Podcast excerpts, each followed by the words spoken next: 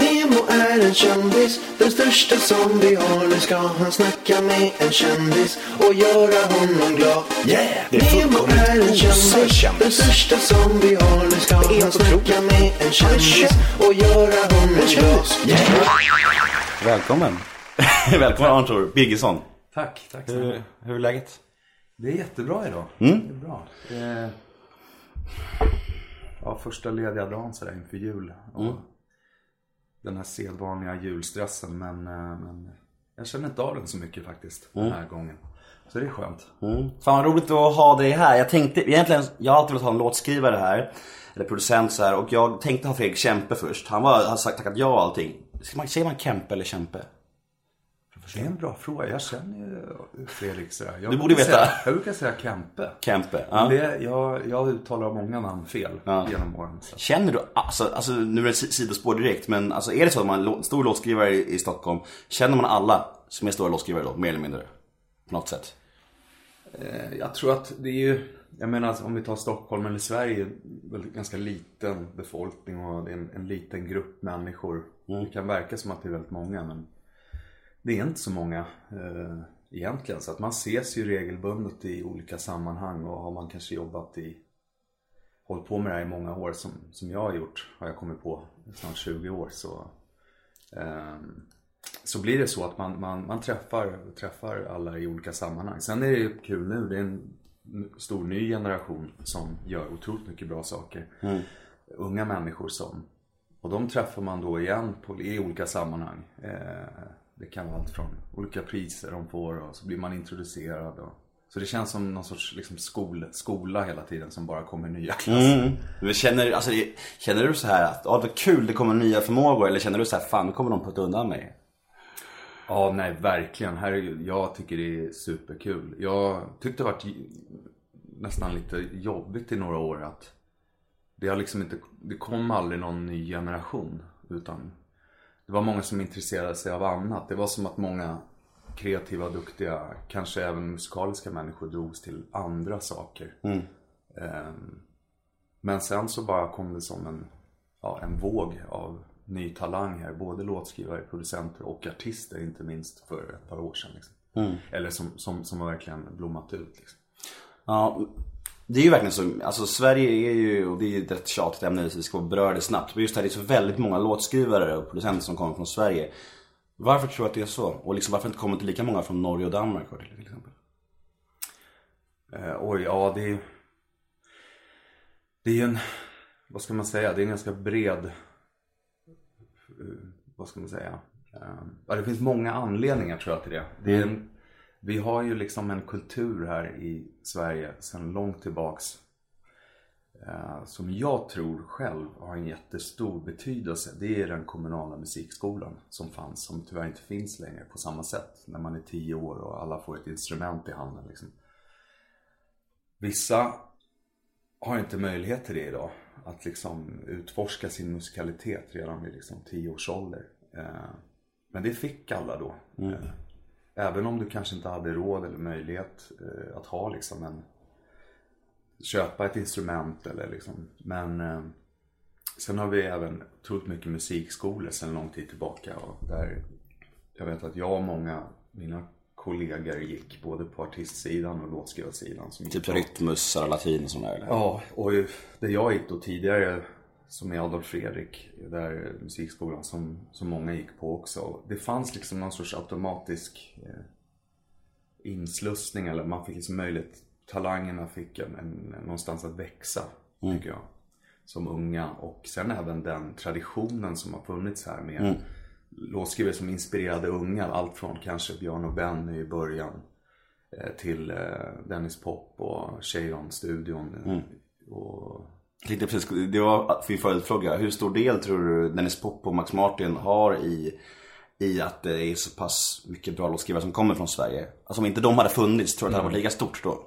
Absolut inte. Jag menar de, de eh, öppnade ju liksom porten till, till, till hela den, ja egentligen skapade den eh, Hela den, den eh, möjligheten för även efterföljande som, som jag är en del av också. Under den tiden så jobbade vi mycket med, med eh, med projekt som, som eh, på något sätt som, ja, som de jobbade med men som kanske de valde att inte jobba med och inte hade tid med. Och det kom väldigt mycket, mycket möjligheter för alla andra. Eh, och sen även inspirerat eh, unga ge- generationer att liksom se, okej, det går att lyckas med det här. Det går att göra musik. Eh, eh, och även leva på det eller få ut det internationellt.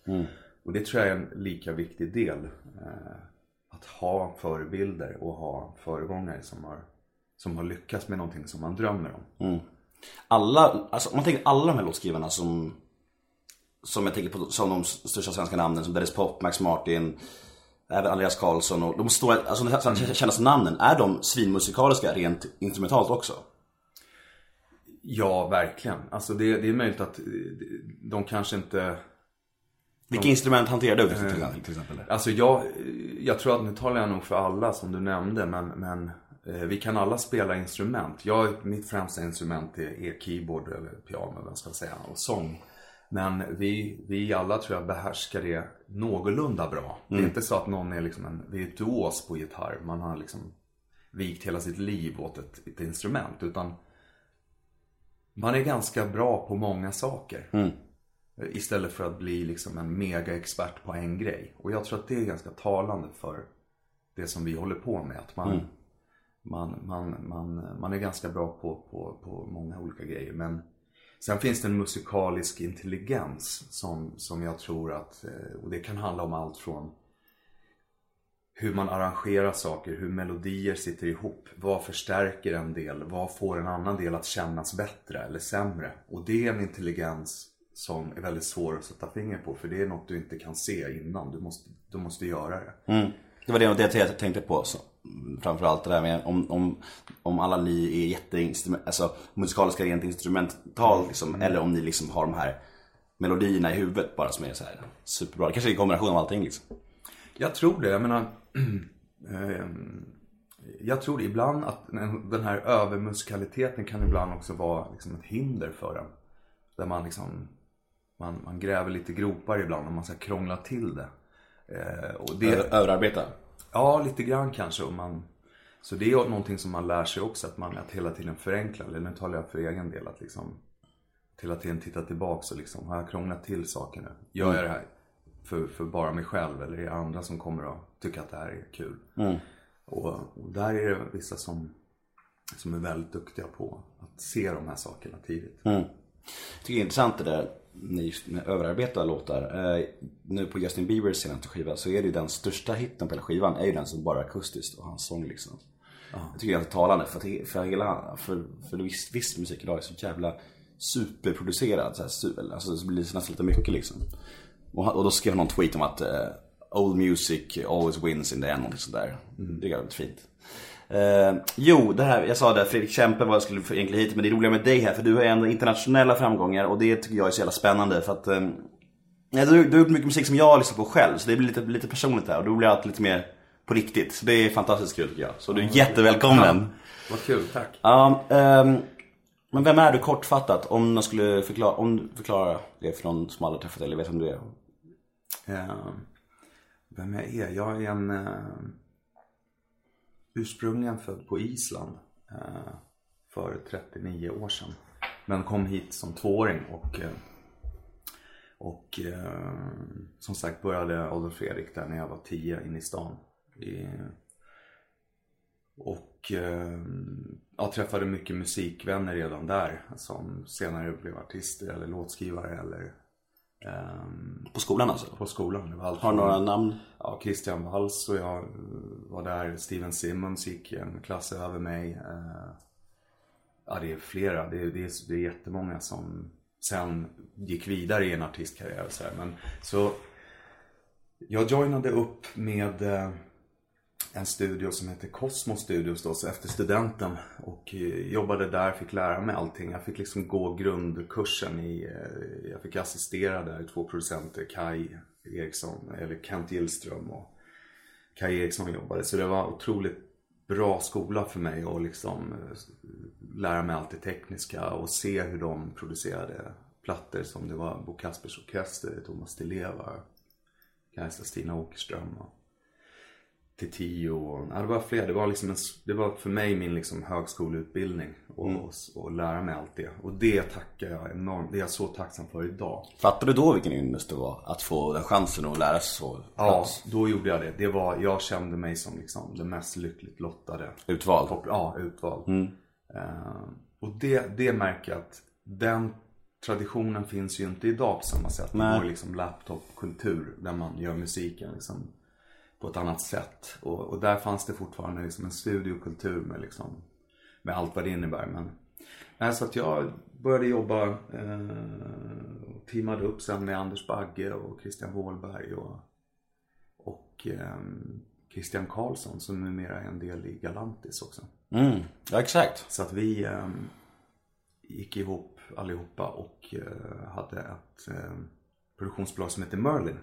Det var, och där eh, ja, fick jag börja min eh, produktionskarriär och låtskrivarkarriär. Och, ja, men det var roligt, det var kul. Det var en tid också på slutet av 90-talet när eh, jag menar pop, popmusiken var ju liksom i sin vad ska man säga, i någon sorts peak då. Liksom. Prime. Prime.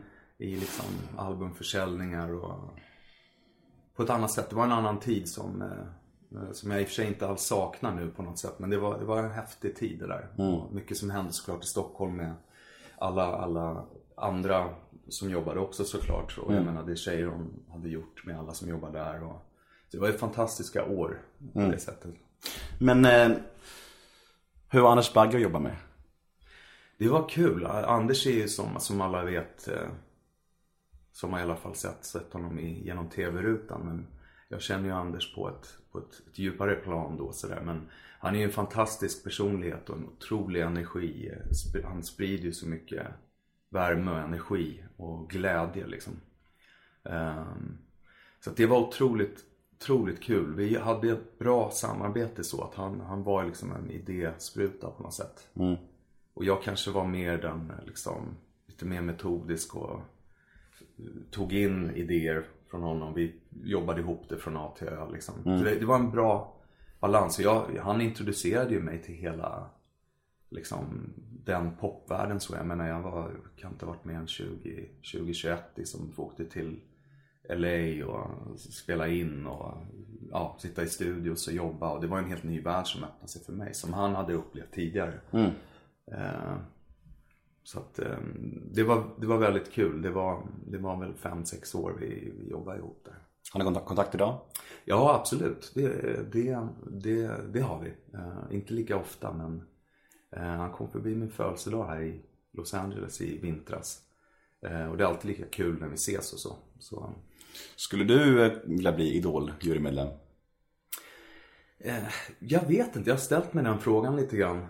Det blir ju så att per automatik. Men ja, jag känner mig inte helt eh, redo för den, det formatet så att eh, eh, det är klart att det hade varit kul om, beroende på, i och med att det är så mycket talang som, som, som kommer, som finns här i Sverige liksom.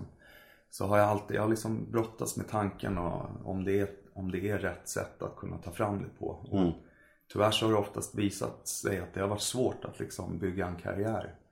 ehm, genom åren. Jag tycker det är, så jävla, det är intressant det där för att vi, vi pratade lite om att det finns extremt mycket låtskrivare och producenter från Sverige. Och det finns ju mycket talanger också, rena, alltså artister också. Men i förhållande, om man tänker på hur stora producenterna är och låtskrivarna, så är inte artisterna i närheten ens. Alltså man tycker, alltså det, vi har ju liksom inga Britney Spears eller Taylor Swift eller så i Sverige liksom.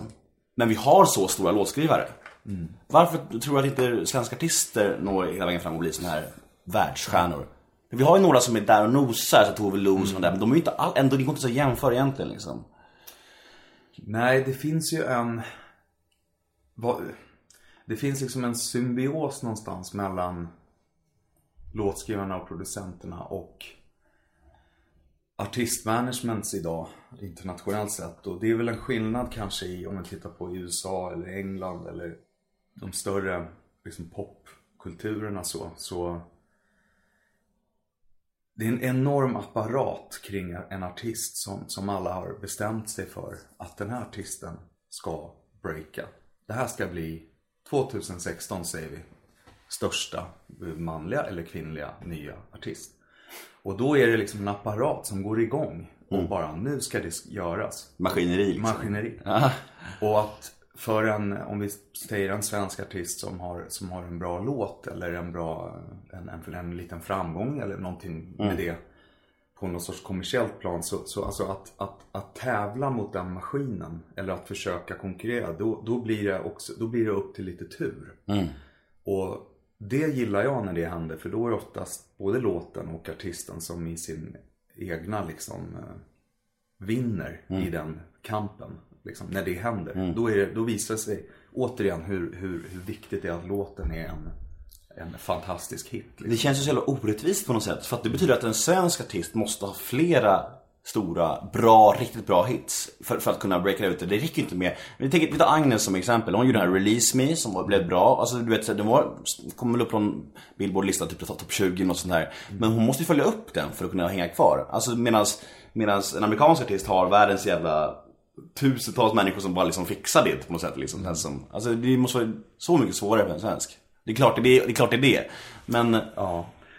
Det, det är alltid svårt. Det är alltid svårt. Jag menar, det svåraste är att följa upp en framgång. Det, är- jag tror det är nästan inom, inte bara musik, inom allting. Att liksom, det är som att skriva en bestseller och sen ska du liksom... Och jag tror även för en artist så det, det blir liksom en, någon sorts psykologisk grej. Eh, och där har till exempel amerikanarna, om man ska säga så, det är, du måste vara väldigt driven själv och självgående för att få dem med på ditt tåg. Liksom. Eh, Jag tror att det, därför har det varit lättare för till exempel eh, om vi tar amerikanska artister eller engelska artister som både är bosatta där och har en bakgrund där. Att, att, att, att bygga sin, sin karriär liksom, på det sättet och få det stödet runt sig. För det är ju det, du, du måste ha du måste ha några, fortfarande idag, eh, det är ju på väg att förändras mycket om vi tittar på det här att få en hit idag. Det är ju en helt annan sak nu än för bara fem år sedan. ja, ja visst. Eh, och det är, jag tycker ju allt som liksom, där låten får fokus tycker jag är positivt. Så att, eh, den politiska eh, delen är fortfarande viktig men, men, inte, eh, men inte lika viktig. Det räcker ju att ha typ det räcker att vara med i en dokusåpa och ha massa följare på Instagram så ska du släppa en låt så blir det en hit, hit ju. Idag typ. Nej men det är många, det är många, alltså det är många människor som bara så här nyttjar sitt följarantal och så typ så här, gör de, snackar med någon house-kille så pratar de in någonting så är det en house-slinga så kommer den topp 5 på Spotify liksom. Sånt, sånt provocerar mig i alla fall för jag tycker att alltså jag älskar melodier liksom. Jag tycker verkligen så här, alltså ri- riktiga melodier som folk har skrivit själva så här, det tycker jag är fantastiskt liksom. Så det, jag tycker sånt, sånt där det är därför jag har så jävla svårt för house. Jag har så extremt svårt för house och det, det får man ju skit för idag för det är ju verkligen samtidens genre på något sätt. Det håller visserligen på att blåsa över lite, hoppas jag. Den tron lever jag i. Men eh, det, det, är, liksom, det är ju vansinnigt hur populärt det är och det är, ja, Sveriges största exporter är ju house liksom. Det är, väl, det, är väl, det är väl ingen som går att jämföra med Avicii och Swedish House Mafia i USA antar jag nu, från Sverige.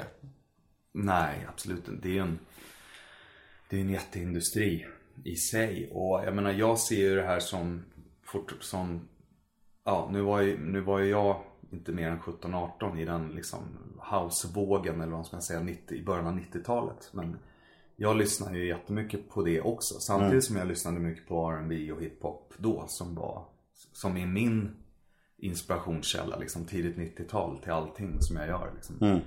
Eh, men jag tror att liksom housen och den musiken, den kommer ju alltid vara där. Jag tror att, men kanske den stora kommersiella vågen kommer ju såklart lugna sig. Men, men det känns som att den alltid funnits där. Bara att den, den, den kommer, den, den bubblar upp liksom. Har du, Var- har du, skrivit, har du skrivit housemusik, någonting? Ehm, Har du försökt? Nej, det har jag faktiskt inte gjort. Jag har däremot skrivit lite. Jo, jag har gjort, eller jag har gjort någon låt vet jag med eh, som var nog det. Eh, ibland så kan man få till lite ackord och melodier och sånt och sen så används det i, ett annat, i en annan form och sen så blev det som i mitt fall så gjorde jag en låt tillsammans med ett låtskrivarduo som heter Dan och Lea Haven och en tjej som heter Bibi Rexa. Vi skrev en låt som heter Glowing. Och eh, sen så plötsligt så hade jag all musik klar allt och allt var klart. Sen så kom en houseproducent, en fransk kille, Sandy V och gjorde liksom ett nytt beat och track. Så plötsligt blev det liksom en kommersiell house-låt. Så det var, det var så nära housen jag kom. Jag kan, jag kan jag kan uppskatta det och jag, jag, jag kan verkligen gilla det. Eh, och tycka att det är skitkul liksom. Sen har jag bara aldrig, aldrig varit nära den världen så mycket liksom. Men eh, ehm, Nej, jag är lite så här, jag- har lite tro att man ska försöka göra det man är bra på. Och inte kasta sig runt i olika. Det är bra, du hå- håll dig utanför huset, då tycker jag om det mer. Okej. nej, nej men det är väl just det, just det jag, jag är ju Jag tänker, jag, nu låter, jag säkert skitcynisk men just det här när jag ser ett liveband då vill jag ha livemusik och du vet alla det där. Det här med att stå och trycka på en knapp, nu låter jag jättecynisk och gubbig, jag vet det. Men jag, jag har någonting svårt för det och jag tycker att det är finare med livemusik och så här. Men det är bara jag och smaken, alla får tycka olika, det är helt okej. Eh, Ja, men jag är likadan, jag ska bara jag är likadan så. Jag däremot, jag har sett, eller jag har fattat eh, entertainmenten i House och, i- och i den, också hela den showen runt omkring. Eh, och så det är en upplevelse i sig, där musiken kanske är En också. fest. Det är en fest liksom. Eh, och det har jag, när jag lärde mig uppskatta vad det är. Att det liksom inte sitta, jag står inte där mitt och, och försöker analysera liksom baslinjen eller liksom basgången eller hooken eller tycka så här, men det där kan man kunna gjort starkare liksom. Utan det, det är ett paket liksom. Då blir det mycket mer så här, ja, det tyckte jag var, då tyckte jag också blev jävligt mycket bättre. Ehm, jo, det här, en fråga som intresserar mig är det här med hur pass mycket en låt förändras från den är skriven tills den produceras.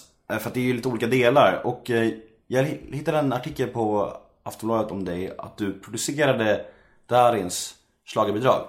Mm. Och då tänker jag, jag gillar den väldigt mycket, You Are My Life. Jag tyckte, den var jag tyckte om Darin väldigt mycket, han är en av mina största svenska favoriter, absolut.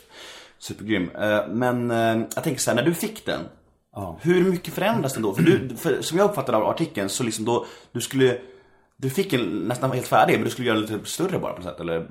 Eller hur, hur går det till då liksom? Ja, just i det fallet så... ehm, ja, men det, det var exakt en sån tillfälle där man får en låt som man hör precis vad ambitionen är med liksom demon. Så för mig var det kanske ett mer klassiskt uh, produktionsgig så att jag, jag gillade som fan vart den liksom eh, ja, vart låten var liksom. Ehm, och jag tyckte den var en jättebra låt liksom i sig. Sen så är jag väldigt fixerad vid sången ofta. För jag, jag är fortfarande den tron att liksom sången driver en låt till vad den är. Om du lyssnar svagt på radion, du hör inte så mycket vad som är bakom sången. Nej. Det är liksom, det, det är den biten. Om inte den sitter där. Och det tyckte jag var kul för jag menar, Darren och jag har ju skrivit tillsammans också tidigare än det och, och i andra sammanhang så. Och jag har eh, alltid älskat att liksom jobba med honom och han är en fantastisk sångare. Och en grym kille liksom. Och, och låtskrivarna också, goda vänner till mig som hade skrivit låten med honom. Och, så att jag kände så här, wow, jag hör precis vart, vart den kan ta vägen. Liksom. Så att vi, för mig var det att liksom, demon hade som någon sorts 1.0 liksom. Jag tror, eller jag hoppas att den togs till liksom en 2.0 då. Men vad var skillnaden på den tror du före den kom och du, du jobbade på den? Alltså jag tror det är bara att man förstärker vissa, det, man hör en, liksom en emotionell känsla i, i versen, eh, i refrängen. Eh, och jag kanske tyckte att den kan man förstärka med liksom 100%. Eh, både då genom att lägga till vissa saker, jobba om trumarrangemangen, jobba om viss instrumentering. Jag behöll en del grejer också, absolut mycket av det. Eh, Så det, det, allting var där liksom. Som ett, eh, men sen är det ju mycket sången också som man vill få att liksom lyfta. Så vi spelade in sången igen. Och, eh, och sen tog jag den till en mixtekniker i USA som jag har jobbat med mycket som älskade låten som gjorde ett jättebra jobb också. Så att det blev liksom för mig var en av få sådär klassiska, man hör en grej bara åh kan vi ta den här hela vägen? Så Det var jättekul, det var en jättekul eh, process och sen var det första gången jag fick Jag åkte runt och tittade på lite deltävlingar och det var, det var roligt faktiskt att se hela, hela fenomenet. Fick du, fick du sitta där i hans lilla stäb då så här, vid bordet där med, med flaggor och så här? Nej, jag satt inte, nej, jag deltog inte i det men däremot satt jag i publiken på i alla fall eh, Göteborg och i Globen tror jag. Okej. Mm. jo, eh, du har jobbat med extremt mycket stora namn. Alltså det är ju väldigt, vi ska ju, jag tänkte så här. För först och främst, träff, har du trä, träffar man alla man, man jobbar med? Alltså, alltså om du skriver en låt till Jennifer Lopez, trä, träffar du henne då? Ja, det är olika men eh, ja, precis. Jag menar i hennes fall var det ju eh, Ja, det, det, är ofta, det var ofta så förr. Eh, Men absolut, med henne var det ju, det var en ganska lång process med henne. Det tog tre dagar att spela en sång på en låt. Oj, beror det på att hon var en dålig sångerska eller? Du får säga det. Nej, jag tror att har man liksom en del talanger så kanske vissa är liksom begränsade på det sättet att det beror ju på låten, men i det här fallet var det en ganska rytmisk, ganska en låt som krävde rätt mycket. Play. Ja. Ehm, Men sen är det ju också så, många av många artister som redan har en stor framgång, de har ju också ett, liksom ett dagsschema från en annan planet. Så att det gör att själva effektiv sångtid, liksom den, från att de kanske dyker upp på grund av att det har hänt massa grejer på förmiddagen, dyker de upp ett par timmar. Sen ska det åkas iväg på en annan grej och sen har något dubbelbokats och trippelbokats. Så att ibland kan det ju ta en vecka liksom. eh, eh, Att egentligen komma i mål. Och jag brukar vara ganska jobbig där. Att liksom jag, jag, jag ger mig inte när, när management eller andra säger att liksom Ni, har ni fick väl med allting idag va? Då är man såhär, du, alltså vi är bara halvvägs. Så att jag sitter här och väntar. Tills, tills jag får några timmar till. Men så det är stor skillnad på idag och för 10-15 år sedan liksom. Idag träffar man mycket mer sällan artisterna. Eh, ofta, eller flera idag har ju också sett vikten av det här att kunna vara Det är sådana scheman och det är också en kostnad. Jag menar alla håller igen kostnader idag. Flyga över liksom, producenter, hotell och boka studios och tekniker. Och jag menar det är en jätteapparat som liksom idag med, med som det ser ut, det finns inte de budgeterna. Nej. Då är det många som, som har jobbat upp liksom en, en, en relation med en duktig sångtekniker. Och en, kanske till och med vissa har egna sångproducenter liksom, som, som liksom ha- hakar på dem. Och då, då får de demosången och sen så liksom får man ett datum bara, det här kommer de att spela in där och då. Eh, och det är, sen finns det de som liksom Justin Timberlake som är, spelar in allting själv. Eh, han kan liksom åka till Paris och gå in i en studio och lägga all sin sång själv med en, med en tekniker som bara trycker rec liksom. Är han så duktig? Ja, han är ju, men han har ju också hållit på så enormt länge och han vet ju precis hur han ska göra liksom. och, och det är ju en dröm för en producent att få tillbaks en sång som är, som är precis som man har, vill att det ska vara. Han är nog den han är nog den artisten som jag nog blivit mest imponerad av sångmässigt live tror jag. Jag såg han i Globen två, det var väl efter Future Sex Love soundplattan. Sexy Back tiden där. Den, då såg jag han i Globen med, med Timbaland. Fy fan vad han sjöng bra. Jag var och jag har alltid gillat Justin Timberlake. Men, men det var riktigt bra sång live också. Vissa människor är inte riktigt lika bra live. Jag kan tänka mig att Jennifer Lopez kanske inte är lika bra live då. Nej, men jag ska vara faktiskt helt ärlig. Jag såg henne i, i Globen här nu för ett par år sedan. Men av någon märklig anledning tycker jag hon är bättre live än i studion. Jävlar. Vissa är ju inte studiomänniskor, alltså Nej. studiosångare.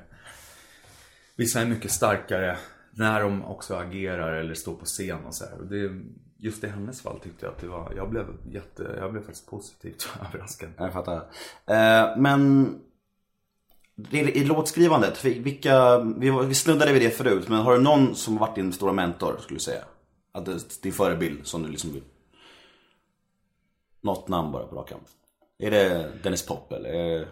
Alltså tidigt för mig så har jag en, en amerikansk låtskrivare eh, som kallas för Babyface. Som kanske många känner till som är från, som hade otrolig framgång på 90-talet liksom med allt han gjorde för Boyz II Men, Tony Braxton, för Brand, alltså för, ja det är hur många som helst. Alla gamla R&B gardet där. Ja, egentligen. Och han... För mig var han inte bara musikaliskt liksom en förebild, men också som person liksom. Det är en av de mest bara varmaste, ödmjukaste. Eh, han är en sån här snubbe som man förstår att alla ville jobba med honom. Alla ville vara i rummet med honom liksom. Det var för mig en... eh, Det gjorde honom liksom som en komplett inspiration liksom, och förebild. Sen har jag haft förebilder absolut här i eh, och det är på samma sätt som, som Anders var det för mig när vi började jobba. Liksom. Jag lärde mig jättemycket av honom. Jag lärde mig jättemycket av eh, och inspirerades mycket av Dennis Pop också och även Martin, Max Martin och här. Och eh, hela det teamet liksom. Eh, Christian Lundin där och, och Rami och ja, det var många där som liksom inspirerade och peppade en under hela Och alla var så peppande. liksom. Ingen, ingen var så här som, som vi pratade om lite förut där, men ingen var så här missunnsamma och bara "Nej, nu kommer någon, nu ska ta vår plats. Folk var peppande och liksom så här, eller? Alltså jag tror att, eller jag har upplevt det så. Jag har aldrig haft eller lidit av den, den eh, missundsamhet eller att tyckt att liksom, ja ah, vad bra, vad bra det går för dem. Eller varför blir det inte så här eller varför får, utan eh, jag tror att det har funnits en, eh, en inställning jämt att liksom, det finns, eh, det finns plats för alla liksom. Eh, Så jag har aldrig känt något sånt utan jag, jag har inspirerats av många saker. Jag har lärt mig jättemycket som jag har tagit till mig. Men sen är det vissa saker som jag också har känt att liksom så här vill jag göra. Man måste också göra sin egna grej. Liksom. Självklart.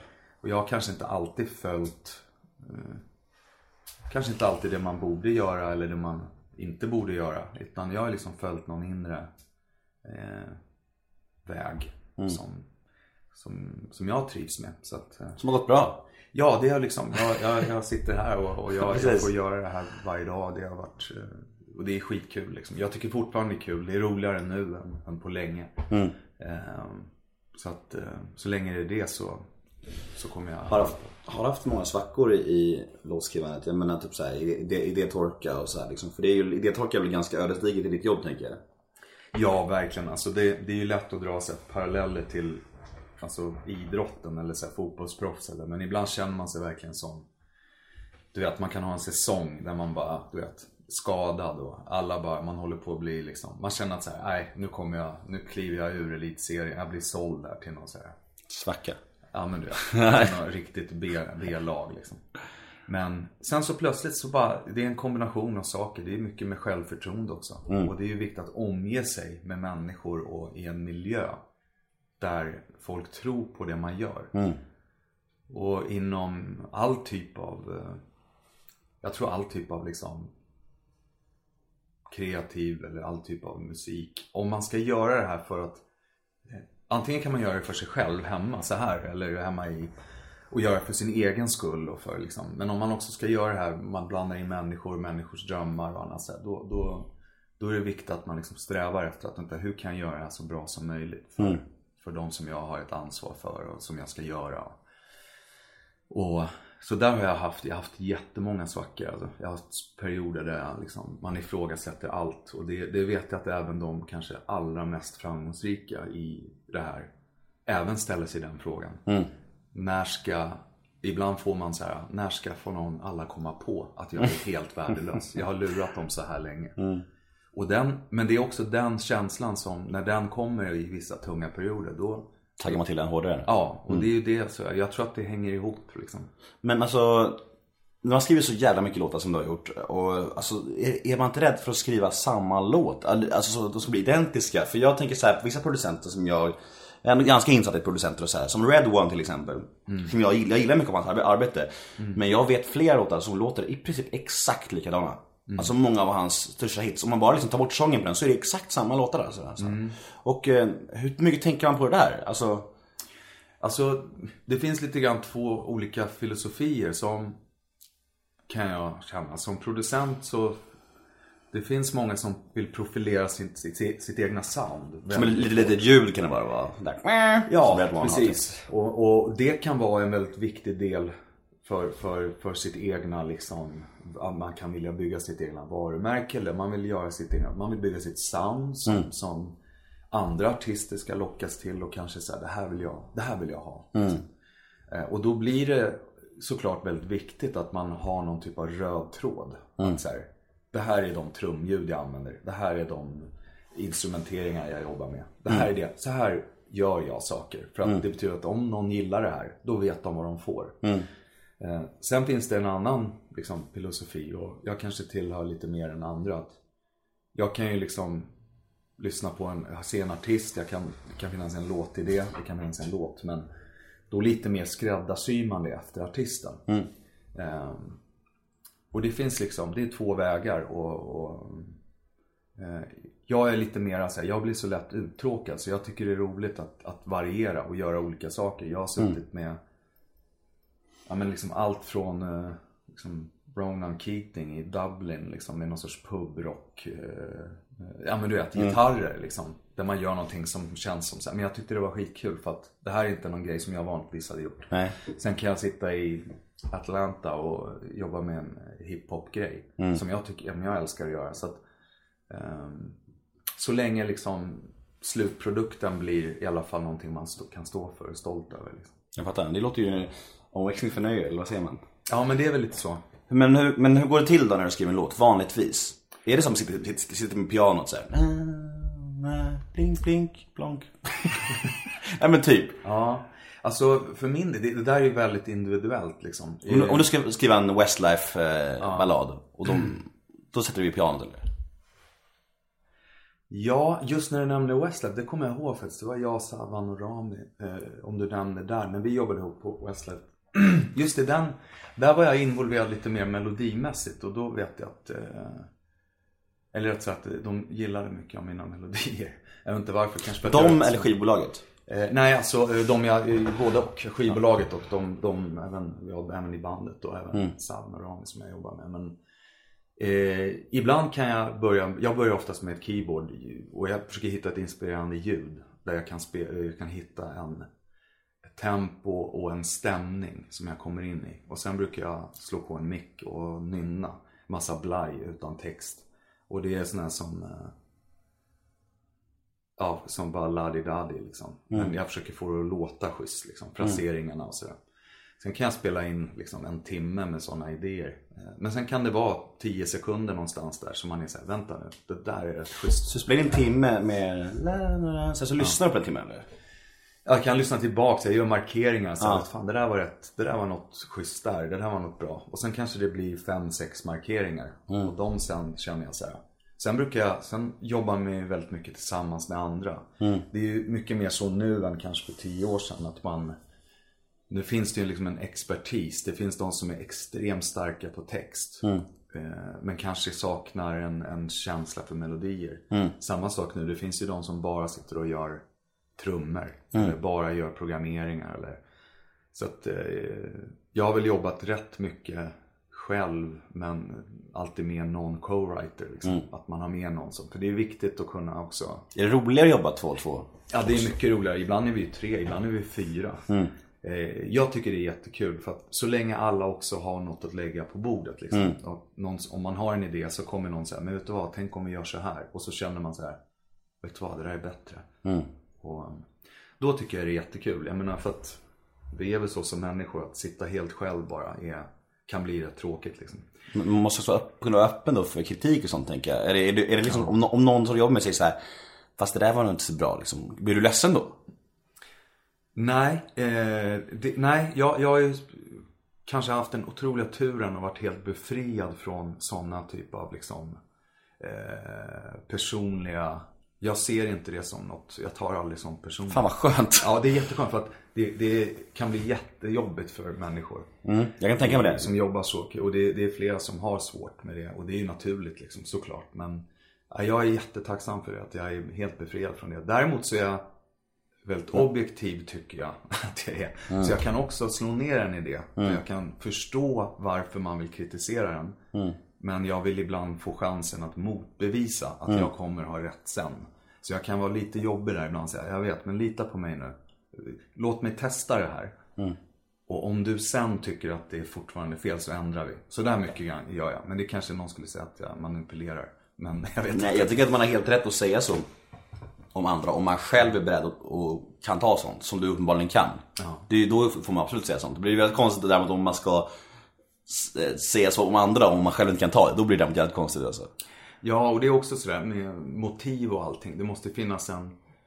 Och det har vi också en, en regel, vad ska man säga, som i den, det gäng eller de människor som man har jobbat med genom åren. Att man får alltid prova saker, man får alltid testa om någonting kan bli bättre. Och så länge motivet är att göra låten så stark som det går, då är det liksom fritt fram. Då kan liksom vem som helst komma med en idé så länge det är bättre. Men tyvärr är det ibland så att liksom, ja, folk, det kan vara av andra anledningar ibland. Men Man- typ vad? Exempel? Ja men det kan vara vad som helst. Att, eh, och det är kanske ofta utländska låtskrivare som kanske inte riktigt är vana vid den kulturen. att som vi har här. Att här delar man liksom lika på låten. Och det finns inga sådana typer av det kan vara någon som känner att oj, jag är inte så delaktig här nu i den här låten. Jag har inte kommit med så mycket text. Jag har inte kommit med så mycket. Nej. Och då får de panik och så ska de plötsligt bara, vet du vad? Jag tycker vi skriver om versen. Och så kommer de med en grej så är alla så här, men vänta nu. Det är sämre. Ja, men, och, och, men det, där, det där brukar man få alla att... Kan det, vara, ifrån. kan det vara så här att ni är fyra personer som ska skriva en låt, sen så är tre av er så här, ah, la, la, på G, la, la, bo- bollar, och så gör ni tre av den. Ni, ni tre gör klart den ihop och den fjärde är inte med så mycket. Och så säger han typ i bara, men jag var inte med så mycket så skriv bort mig ur den här låten. Kan det hända? Eh, ja, det kan hända. Jag har gjort det några gånger när jag känner att liksom det har tagit vägen eh, någonstans där jag inte riktigt känner att vänta nu, nej det här... står för. Ja, lite grann. Eller jag känner att det här är inget som jag egentligen var en del i. Eller jag Nej. känner att det här inte blev heller det jag hade tänkt. Men, men då är många så, många respekterar det och, och jag har också själv fått, fått en eh, eh, Alltså att någon annan har varit så här, vet ni vad, jag har inte gjort någonting här så jag behöver inte vara med. Men då brukar man alltid säga det att liksom, vet du vad, vi var fyra i rummet eller vi var tre i rummet. Och ibland, det märkliga är alltså, ibland räcker det med att den personen som tror den har gjort minst kan ha liksom plockat upp telefonen eh, där på morgonen och gått ur studion men sagt någonting i telefonen som triggar någonting. Alltså det är, det är så små grejer som kan bidra. Häftigt. Ja, det är, så att man ska, det är lätt också att liksom förenkla och att liksom, ja men de här har skrivit och gjort men, men ofta, min erfarenhet i alla fall, så är det så att alla har någonting att komma med. Mm. Annars skulle man inte vara där. Nej, annars är man inte det. Nej. Förhoppningsvis. Ja. Men vet du, jag tänkte räkna upp några namn dem du har jobbat med och så kan du väl du Alltså du kan väl droppa några ord om varje människa, varje artist eller, så, av de du har jobbat med. För jag, jag nämner några namn där, för jag blir jag är väldigt impad av så kändisar, jag tycker det är häftigt. Så jag säger några av dem du har jobbat med så får du liksom snabbt och koncist bara beskriva den människan med tre ord. Och du får gärna säga om du har träffat den också. Janet Jackson. Janet Jackson är, ja, otroligt varm, fantastisk person. Eh, ödmjuk, generös, superproffs eh, på alla plan. Eh, Du har träffat, träffat Janet? Ja, ganska mycket faktiskt. Vi jobbade en hel månad i New York, ett par veckor i LA.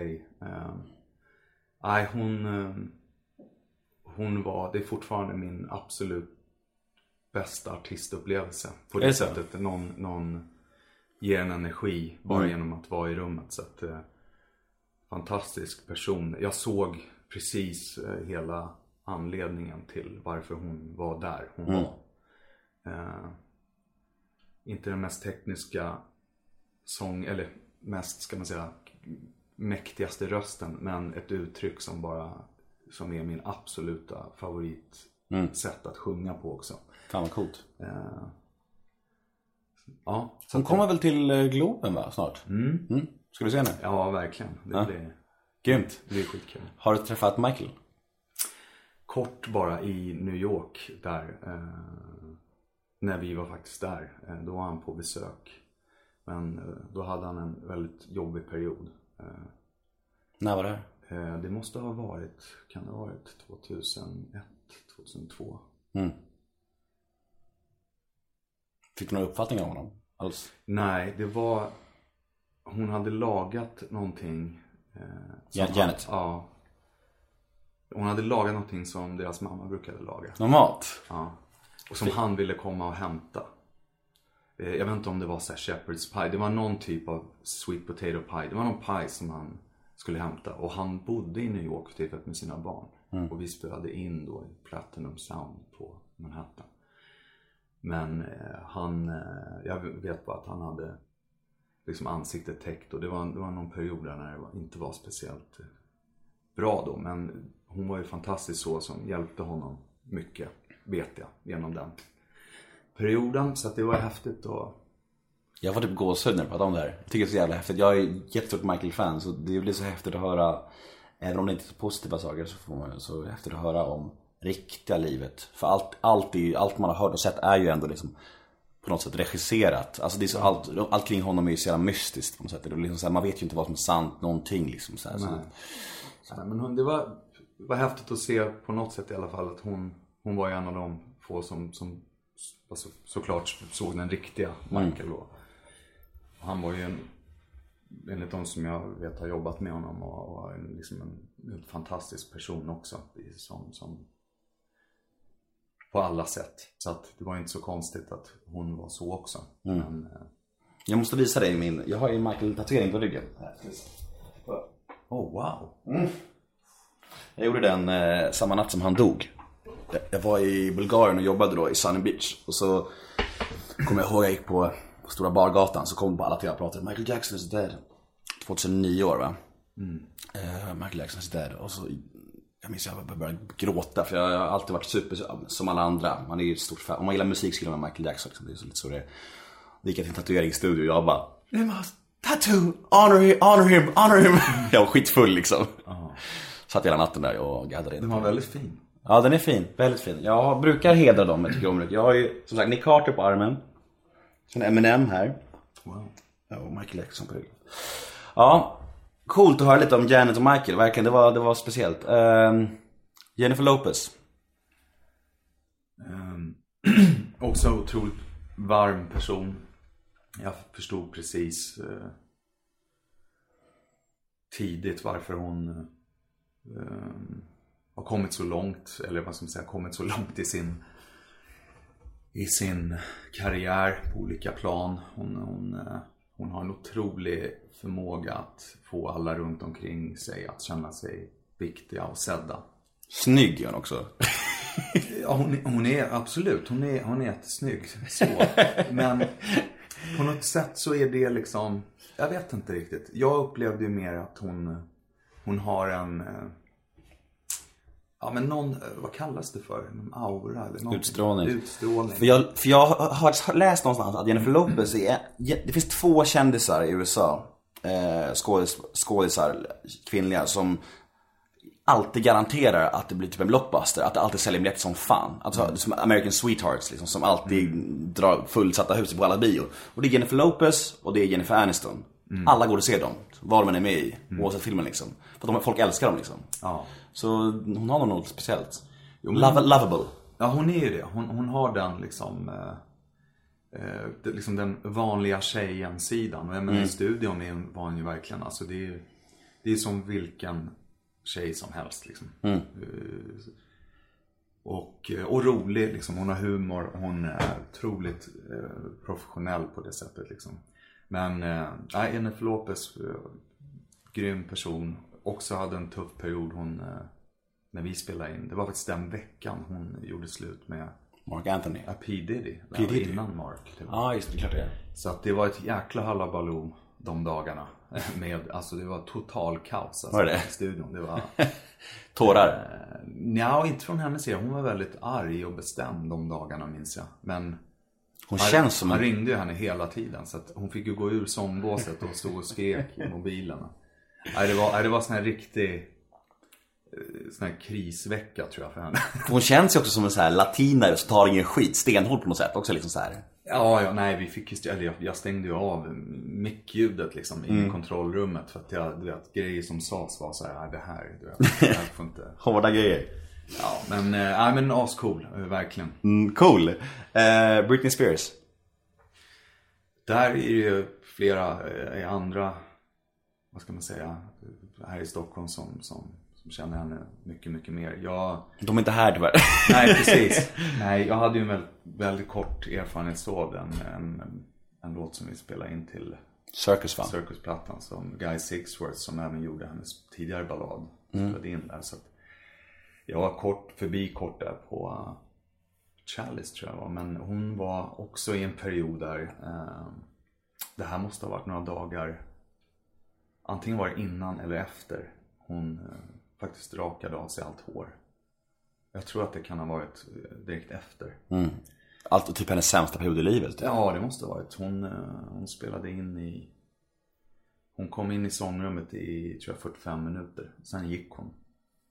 Eh, Och det var tyvärr ingen som vi såg att hon gick. Så det blev bara tyst plötsligt. Men, Har ingen koll på Britney Spears då? Alla kollar bort eller? nej, det var fan separat utgång till sångrummet. Så. Okej, de bara gick.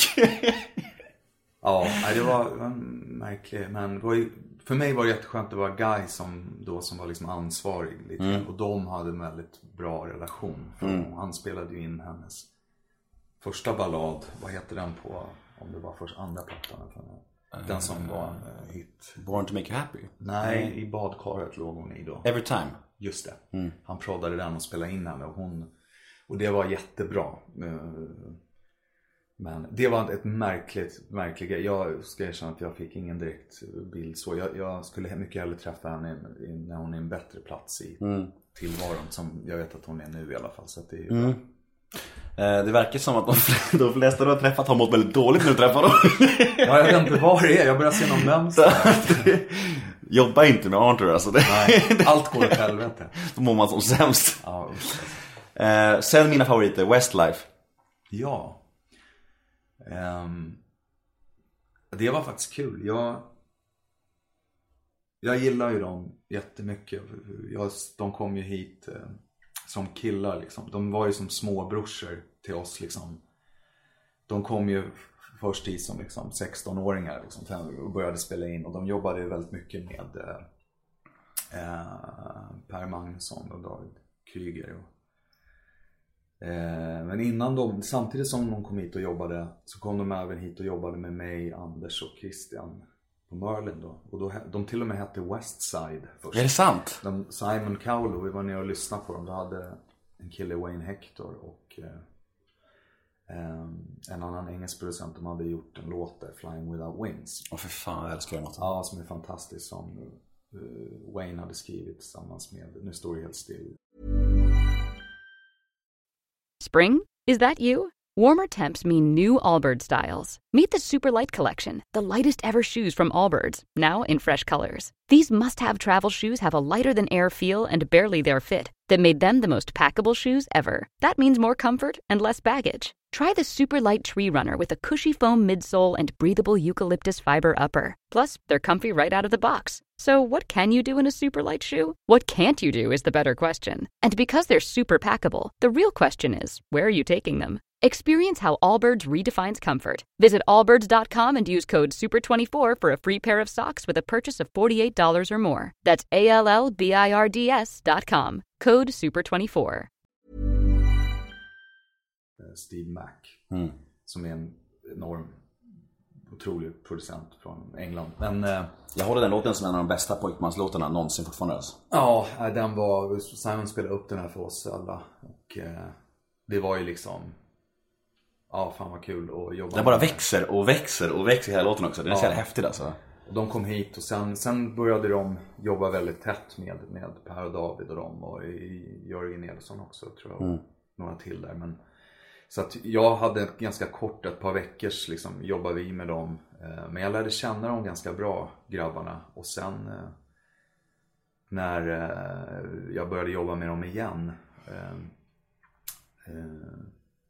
så var det väldigt kul för att eh, ja, det var som att vi fick någon sorts reunion liksom. Eh, Så att det har varit en skitkul upplevelse. De har varit såna här, det är så här reko bra killar. Och har varit skitproffsiga och gjort Inga divor. Nej, jag har inte upplevt det på det sättet. De, tvärtom liksom. Det är såna här, de är väldigt tacksamma för den karriär de har haft liksom. Och den enorma, eh, ja, eh, det liv de har egentligen nu, även nu i, på grund av sin musik liksom. Så här, Jag vet inte, de, de så här, jag gillar verkligen dem. Liksom. Jag skulle lätt, eh, om de skulle vilja spela in, eller någon av dem vill spela in liksom imorgon, skulle jag säga absolut, vi kör liksom. Men alltså jag tänker så här, du säger att de är ödmjuka. Du, säger, du talar om ganska många som att de är ödmjuka och så här och down to earth. Men tror inte du att de är det mot dig för att du är någon? Eller märker du på dem om de är liksom diviga överlag? Jag tror, alltså jag märker det ganska snabbt. Jag, min erfarenhet av att de som har gjort sig en ganska stor framgång eller det är väldigt sällan människor som inte är ödmjuka. Är det så? Ja, och inte är människor som man vill vara runt liksom. Det, jag, jag har nästan ingen erfarenhet av det. det Har du något exempel på, på den, du, du får vara lite elak här. Alltså den vidrigaste, divigaste personen hela kändisvärlden. Alltså ska jag vara helt ärlig, jag, jag har aldrig haft en sån. Det är möjligt att jag kanske kommer på något här. Under intervjuns gång. Ja, du, får tid, du får tiden på dig. Men det hade varit jag- kul att få namn här. Ja, men jag, jag är av den liksom starka övertygelsen att, att eh, för att nå en viss typ av framgång, då måste människor vilja att du ska lyckas. Det, det är alltid ett team runt omkring. Inte bara i, i studion eller musiken. Eller, det är alltid människor som vill vara runt dig och, och måste trivas. Liksom. Och, och det, det, det, kan jag, det kan jag säga att, att liksom, med fel attityd och då, då är det många, speciellt idag. Det finns inte plats eller utrymme för det. Men jag tänker att, alltså nu, nu, nu kanske det låter dömande här, men en sån som Justin Bieber verkar ju inte vara så, så supersympatisk direkt. Alltså, eh, jag tror även i hans fall så är jag, jag tror att eh, det är egentligen helt tvärtom. Eh, De som jag känner som har jobbat med honom är att liksom, han är en superskön snubbe liksom. Att hänga med så kan man, och han är otroligt lojal, han är otroligt eh, arbetsvillig liksom. Mm. Han eh, är liksom supersympatisk liksom. Han är det alltså? Ja, men Men, vad men bra. däremot så blir det lätt så att när man går igenom kriser och sånt liksom, som, som alla gör så, så, så, Och allt blir offentligt liksom. ja, så utåt sett så kan det bli att de 10 procenten av Mm. ens personlighet kommer ut. Verkligen. Eh, och jag tror att i hans fall är jag helt övertygad om att, att han har ju liksom lärt sig den läxan. Liksom. Eh, men, men eh, Men det, jag, jag, jag imponeras alltid, alltid av kändisar som är så jävla Jävla ödmjuka och down to earth. Alltså nu tänker jag på, jag är inget Bruce Springsteen-fan alls men när han var i Stockholm sist, min, min polare jobbar på Telenor-butiken i Östermalmstorg. Då hade han bara kommit in där och bara Hey guys I need a phone, helt ensam liksom. Inga vakter, ingenting så här, liksom. Han är en av de största artisterna i världen liksom. Kommer in och bara ber om en telefon på, eh, så här, och bara chillar och är helt skön och bara går runt med folk och så här, går där- går därifrån. Så ja. Det skulle inte Bieber göra kan vi säga i alla fall. Nej, han skulle väl, om han skulle vilja så skulle det nog inte gå liksom. Nej men det är ju det, det också. Ja. Men, nej, men det, alltså, jag, jag vet inte, jag, jag har bara sett det att det är liksom Det går inte att, att, ska du få med dig människor på din sida För så är det bara, du kan inte göra saker själv. Nej. Och det är väldigt lite tycker jag i tillvaron man, man kan bara ro i land helt själv liksom. Och, och Absolut har jag upplevt det att det är människor som, och kanske artister som har ansträngt sig för att vara extra trevliga mot mig. För att vara professionella. De kanske haft en jättedålig dag.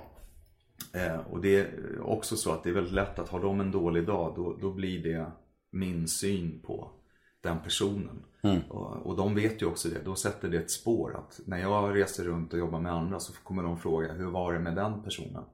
Och då, då, då, då börjar den Chain liksom- reaction. Ja, så att eh, det är många som, som eh, Berätta om, eh, du nämnde häromdagen någonting om att du var nära på att hänga på One Direction grejen. Eller var det så? Ja, det, det kom ju upp där i den vevan. Absolut. Jag hade ju precis eh, teamat upp med mitt, eh, mitt egna produktionsbolag där 2008 och 2009. Och sen var jag faktiskt i London och jobbade. Eh, och Savan då, vän till mig som var då faktiskt vocal coach vid X-Factor i England under den perioden. Och var med och tog fram bandet. Och eh, då jobbade Rami mycket tillsammans med Carl Falk också då. Och, eh, men jag minns att jag hade samtalet med Savan och han var så här. Fan de här, de här grabbarna, det här ska vi köra på. Och jag minns väldigt väl att jag var så här, lycka till med det här. Jag, Du var skeptisk? Nej, jag var bara... Westlife-perioden, den arbetsperioden var väldigt intensiv. Det var enormt mycket jobb. eh, Kanske mest för mig och Rami i studion och på produktionssidan. Det, var- det är väldigt mycket jobb att spela in liksom. Fem personer eller vad det är som vill sjunga och... Du vet, det, det är så här, man var helt slutkörd. Jag bara kände så här, "Aj, inte ett gäng till bara i det där liksom. Jag fattar. Eh, Men jag minns att jag var väldigt såhär, ja men grymt. Eh, Fan, kör hårt. Det där kommer säkert liksom. Eh, Ja, och jag, jag vet ju att liksom. ehm, Jag vet att jag skulle kanske ha varit mycket mer aktiv i att liksom. På ett sätt. Samtidigt så kände jag så här. Nej, jag ville inte. Jag ville göra något annat då. Ångrar du det? Eh, Nej, det är väl det enda eh, på det sättet jag ibland kanske har känt så här, vad kul det hade varit. Nej, vet du vad, jag ångrar inte alls så. Det gör jag inte. Men det är väl ett av de få grejer som jag känner att jag mitt konstnärliga jag tog över liksom mer än den andra sidan. Och det är inget jag ångrar utan jag, jag hade ett behov av att göra något annat. Jag ville, jag ville jobba med mer soul, R&B inriktad popmusik och liksom jag träffade Kim Cesarion och, liksom, och jag kände det här vill jag göra. Jag vill jobba med en solokille och utveckla liksom det här. Du, du, du nu snuddade vi snabbt det här med fem killar som alla vill sjunga. Är det så mycket? Är det så här? Alltså, jag tänker så här. För jag såg en Backstreet Boys dokumentären såg jag. Eh, har du sett den? Vet du vad, jag såg den i förrgår. Är det sant? Förrgår kväll, Ja. första gången. Vad kul, då kan vi diskutera den lite. ja, eller om hur, vet du, hur intresserad du är av att prata Jag om det. den, jag tyckte den var bra. Jag tycker också den var bra. Och då är det ett, ett, ett, eh, stycke i den där, jag tror det är Howie som Howie. säger så här, precis. Han säger så han vill bara göra en ny platta om han får sjunga lika mycket som de andra. Något sånt där. Och det har man kanske förstått att det är som tidigare. Och det är ju naturligt. De har gjort så här åtta album eller något sånt där. Det är väl klart liksom. Men är det så mycket eh, i pojkband att, att folk, för Westlife är det också väldigt uppdelat. Det är väl Shane och Mark som sjunger allt. I princip. Eh, ja, det har ju varit så. Nej men det, det är, så har det varit genomgående i de pojkband jag har jobbat med. Allt från alltså 98 degrees borta i liksom slutet av 90-talet. Och jätte, det var ju krismöten liksom. Man sitter, det är verkligen så. Det är krismöten där någon liksom. Men det är också det att och, och man får ju ofta vara the bad guy liksom, tyvärr. Att skivbolaget är väldigt tydliga med att det här och även kanske Ja, skivbolagen är tydliga med att det här ser vi som nyckelsångarna i det här bandet. Det är så här alltså? som, och då måste, då måste vi också på något pedagogiskt sätt få det, få det liksom, att bli så. Men, jag, men så är det. det. Det har varit mycket, många besvikna, arga eh, dagar när Mm. man liksom får ta det här samtalet. Att liksom, Men förklarar ni då att det är skivbolaget som säger så? Eller får ni ta skiten? Nej, nej eh, ja, det är ofta så att det här tror vi är bäst för låten. Okej. Och vi har fått det ansvaret gentemot, eh, det är trots allt ett skivbolag som betalar oss pengar för att leverera en produktion så som de vill ha den. Men liksom, är det Eller så här, vi- är det så här då till exempel, vi säger att skivbolaget kontaktar dig och säger så här, ja men vi vill ha en låt till, du får skriva en Backstreet Boys låt säger vi. Och då, och då säger de så här, vi vill att Nick sjunger första versen och Brian andra och AG sticket. Som det vanligtvis har varit. De tre har ju lagt, Nick och Brian är mest men även AG. Howie och Kevin har inte sjungit så mycket. Då, då, de, de kan säga så, vi vill att det ska vara så liksom. Jag tror, om vi tar till exempel i deras, om vi tar i deras fall så tror jag inte att det är skivbolaget som har dikterat. som- Jag tror att det är producenterna. Okej. Som har egentligen bara, det här är, så här ska det låta. Mm. Det här är någon som ska sjunga.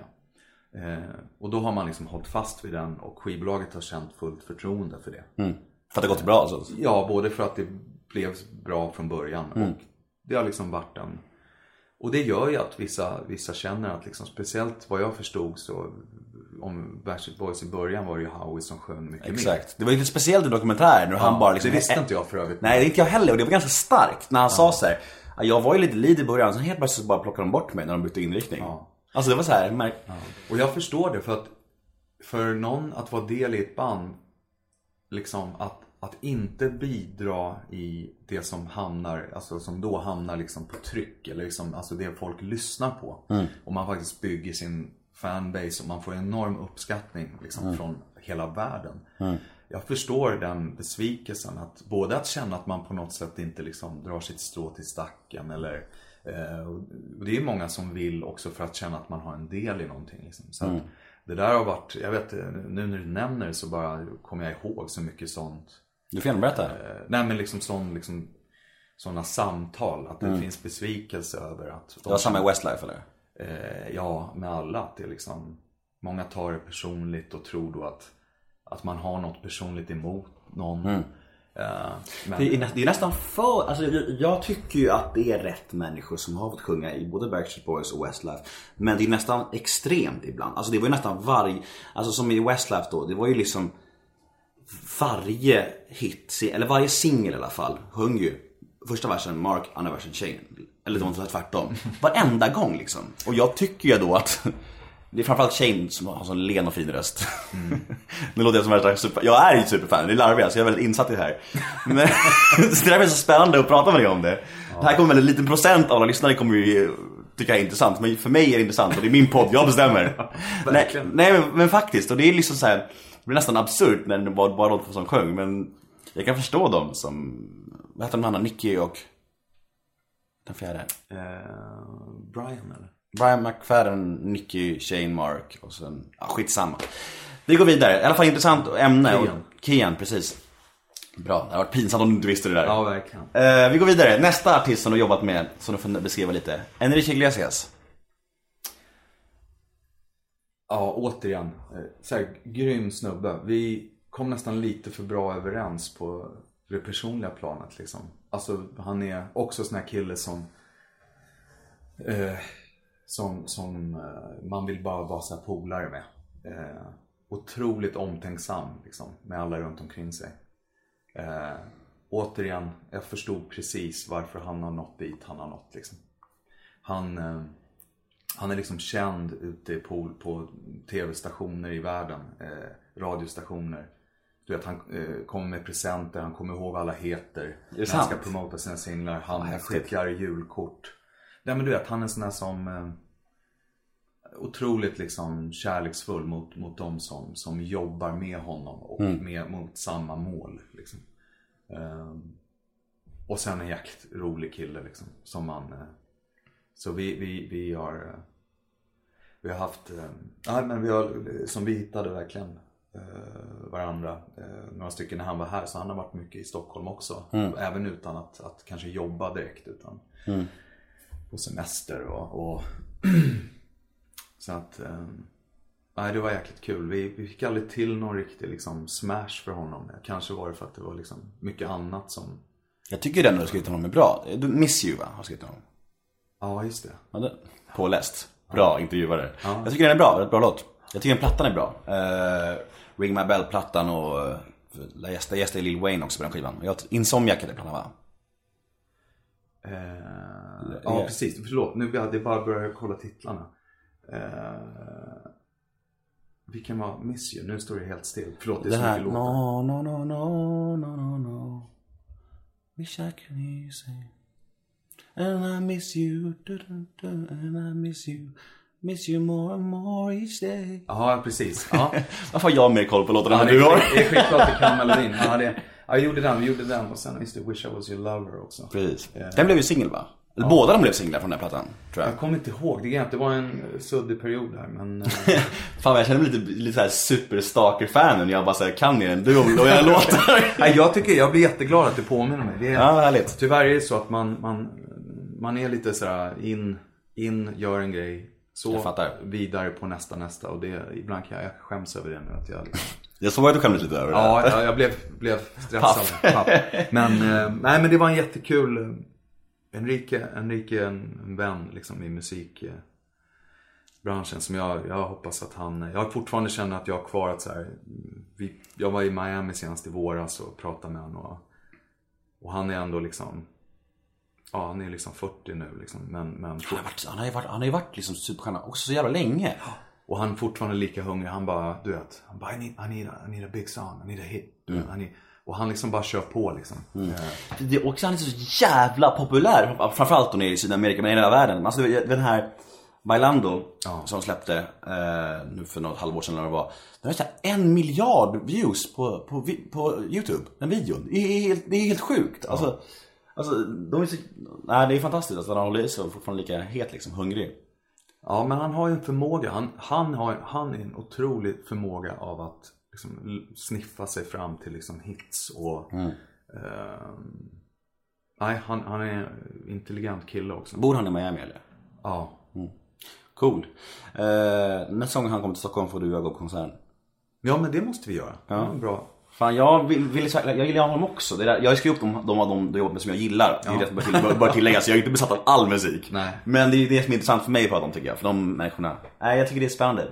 Eh, just det, Enrique också måste jag fråga om. Det, det, för, för några år sedan så läckte det ju en film, eller ett klipp när han sjöng, jag vet inte om det var playback eller singback. Och när han sjöng så jävla uselt. Kommer du ihåg det klippet? Absolut, jag var eh, till och med med honom i den vevan. Ja. Eh, Vad, var det om? Var det äkta eller? Är han så dålig sångare? Nej, tvärtom. Jag, jag tycker han, eh, personligen är han faktiskt, jag tycker han är en av de absolut bästa sångare det jag sant? har jobbat med. Ja. Eh, live är han helt fantastisk. Eh, han, han är en ganska komplex sångare liksom. Och i studion han, han, han har extrem prestationsångest och han liksom vill få grejer att bli rätt och liksom. Men för mig är det mest liksom intressanta sångare jag har jobbat med på det sättet. Att han liksom han har ett sound i sin röst som är så unikt alltså. Först, första ordet vet du vem det är. Exakt, man behöver höra en halv sekund så är Ja. direkt åt det. Det är verkligen, det är verkligen fantastiskt. Ja, så att han, det som hände med det klippet och det eh, Var han ledsen över det? Ja, jag tror han kände sig, han kände att så här, fan. Det, var en, det är en av få gånger, eller många gånger, man gör playback-gig. Men du måste ha ljud ut i monitorn för att det ska se realistiskt ut att du sjunger. Plus att du står på en scen så att han hör inte sig själv ens. Nej. Han sjunger i en mikrofon till ett track, alltså till låten i bakgrunden.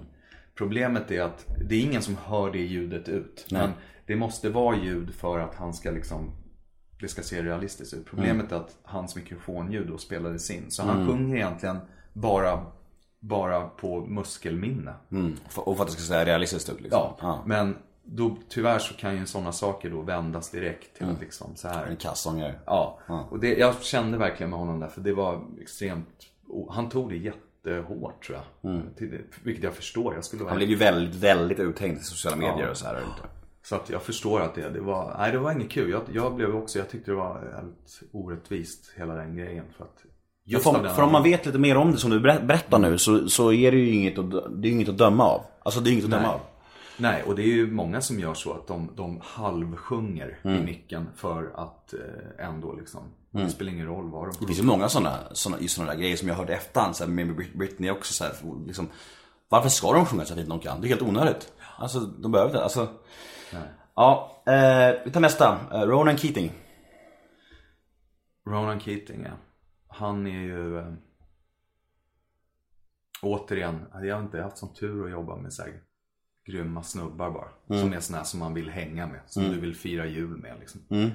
Eh, samma sak Ronan, liksom. han kom hit och jag och Anders jobbade med honom, Bagge. Eh, sen åkte vi även över till, till, eh, till Dublin och jobbade. Eh, men en otroligt så här, inspirerande person liksom. Man, man, eh, han är ju liksom Irlands, han är ju den här liksom, vad ska man säga, den sonen på något sätt. Landsfadern. Ja, liksom, efter YouTube, han är ju den här liksom En gud där typ.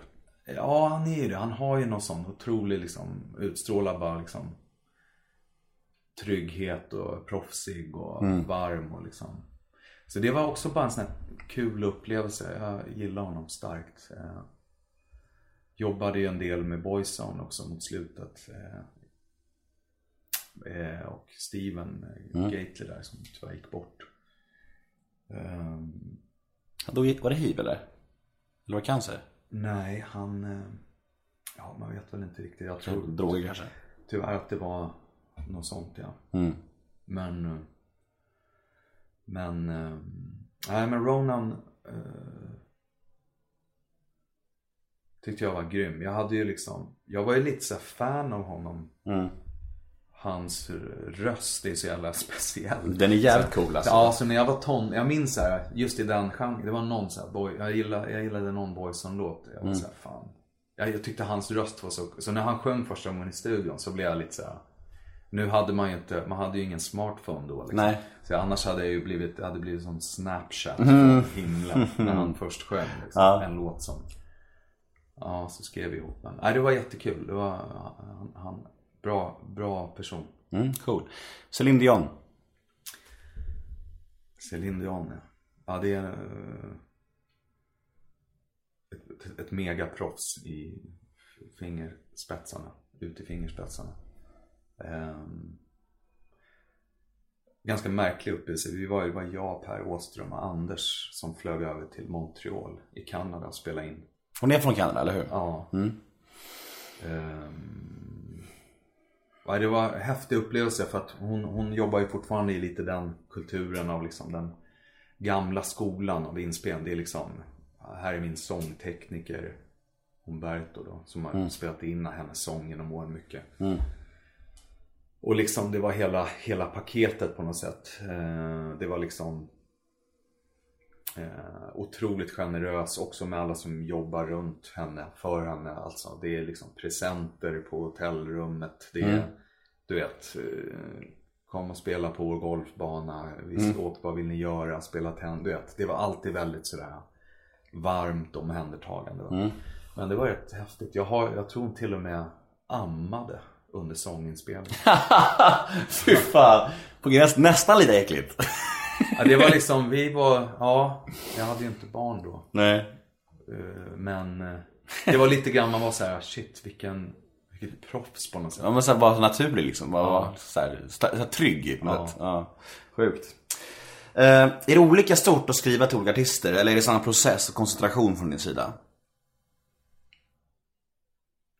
Ja, jag har mer sällan, alltså det är sällan jag skriver till specifikt en artist. Ofta är det, um, det var som mer förr. Mm. Nu går man in i liksom sammanhang där man försöker få fram någonting där det kan bli en stark låt. Mm.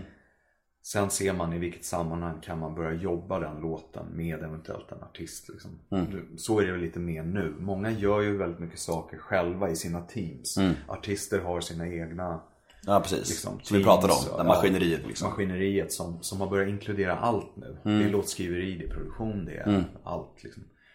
Um, så att, eh, så jag, jag, ibland kan jag ställa siktet in så här. Nu, det här ska jag göra. Nu ska mm. jag sätta den här artistens nästa sound. Mm. Oftast nio gånger av tio blir, slutar det ju att det blir något helt annat. Mm. Men, eh, Men kan du kontakta en artist och säga jag har en låt till dig? Händer det? I vissa få fall är det så. Mm. Ehm, att man antingen har en kontakt med artisten eller med personer runt artisten. Mm. Ehm, och det är som med allting. Det är en, ibland är det, är det en ganska krånglig väg fram till en artist som ska lyssna på en låt och då vill man ibland gå liksom en genväg och bara mm. Men de gångerna måste man också vara ganska säker på mm. att man har någonting, eh, någonting starkt liksom. Mm. Så man känner det här. För då, då Annars är det ingen som svarar nästa gång man skickar liksom. Mm. Du sa att alla, alla stora artister har ett team så här, och med låtskrivare och producenter. Men för jag vet många artister vill ju ändra inriktning alltså efter vad som är modernt. Så Madonna är ju klassisk. Hon gör, hon, alltså hon, det känns att hon gör platta med de som är hetast. Hon ja. gjorde en Timbaland-platta liksom. Så här, och sen när han var het och sen så ja. Men då har inte hon ett team, då byter hon producent. Eller, eller, eller anpassar sig hennes producenter efter vad som är hippt. Nej, hon är ju en av dem som, som, då, som har ett team men inte i studion. Precis. Och ibland kan jag tycka att för, för sådana som säger superstjärnor är det nog ganska, ganska bra mm. att liksom förnya sig liksom. Mm. Och gå in i, i, olika nya samarbeten. För det kan också vara väldigt kul. Liksom. Men sen finns det andra som, som som tar in nya människor här och där men alltid har en grund. Liksom. Det är lite som, som Rihanna har alltid jobbat med, de norska killarna. Stargate mm. har liksom varit eh, lite grann grunden med henne. Mm. Um, men även tagit in folk utanför. Men de har liksom varit med som, som i nätet hela tiden. Mm. Och det tror jag är skitviktigt också. Att mm. man, eh, det finns några som kan artisten, kan... Ja, precis. Eh, ja, men försöker man följa trenderna mm. noga? Man, alltså, eller, eller går man på egen magkänsla? Mycket? Alltså, försöker du anpassa dig efter vad som är modernt just nu? Nej, jag har undvikit det. Mm. Eh, de gånger man har, det har smittat av sig ibland. Att man har liksom tyckt att så här, shit vad det där var bra. Jag mm. vill göra en sån där grej.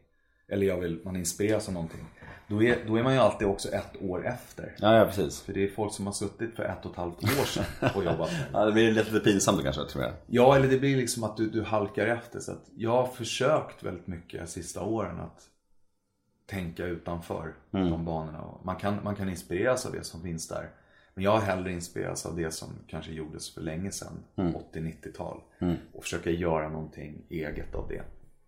Ehm, men jag tror det är lätt att man fastnar i den här, att man börjar jaga. Man börjar jaga det som låter, vad som låter, ja, vad som funkar bäst nu liksom. Ja, precis. Men eh, du träffar ju, du har träffat så extremt många stora artister som, som jag blir helt, jag blir starstruck av de du har träffat. Blir så här. Men eh, har du någonsin blivit starstruck? Har du någon gång träffat någon och bara så här, shit nu är jag i samma rum som, jag vet inte, Michael Jackson? Det liksom wow liksom? Eller kan du känna så? Eller är du helt blasé inför allt det där nu? Nej, jag tror en av mina kanske egenskaper, vad ska man säga, så att jag, jag har aldrig blivit det av i artistsammanhang eller i musiksammanhang. Liksom.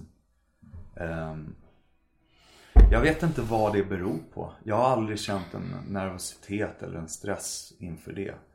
Ehm, Du har aldrig tänkt såhär när du skakar hand med någon stor och bara shit vad coolt det här är. nej, absolut nej. Alltså, Jag är liksom Helt, helt avskalad. Ja, nej, men jag, jag känner bara, jag, jag känner ju en respekt som för alla människor liksom.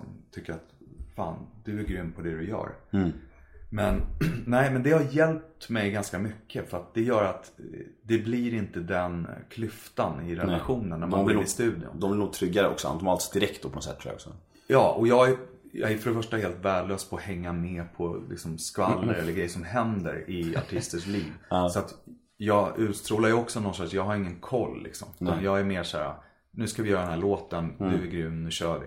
Där jag däremot blir starstruck, det är ju, det är ju Hollywood-skådisar. Så att jag är sån liksom, du vet, när jag såg eh, vad heter han, Piven där, Ari Gold. i Jeremy Jump- Piven. Jeremy Piven. Där var det så här, jag var tvungen att gå fram till honom. eh, och bara, förlåt, jag måste bara hälsa på dig. Jag blev helt starstruck. Liksom. Det är första gången jag har känt det. Men här hade- har du ett exempel, bra. Ja, och jag har förstått att det, det är i, det som Hollywood skådisvärlden. Där Mm. kan jag få lite så här. eh, Han tyckte inte alls det var kul. Han sa bara, han sa eh, en del fula ord och stick härifrån. Till dig? Ja, Han stod och pratade med en kompis i en bar liksom. Ja, fy fan vad trist. Jag kan inte säga vad han sa på eh, i, i podcasten. Fan vad tråkigt. Sånt där, sånt där är ju, alltså du vet jag har ett exempel på det som, som är Alltså jag har ju alltid varit, när jag var, min, min barndomshjälte var Per Gessle, jag tyckte mycket om Per Gessle, jag tyckte att Per Gessle var fina, först jag, jag är melodifan, så här, ja, bäst på melodier och jag hade alla. Roxette, Gyllene Tider skivor och så här. Sen när jag var med i Kungen av Tylösand då för fem år sedan, så- han är ju, Tylösand är ju hans liksom, det är ju Per Gessle-land liksom.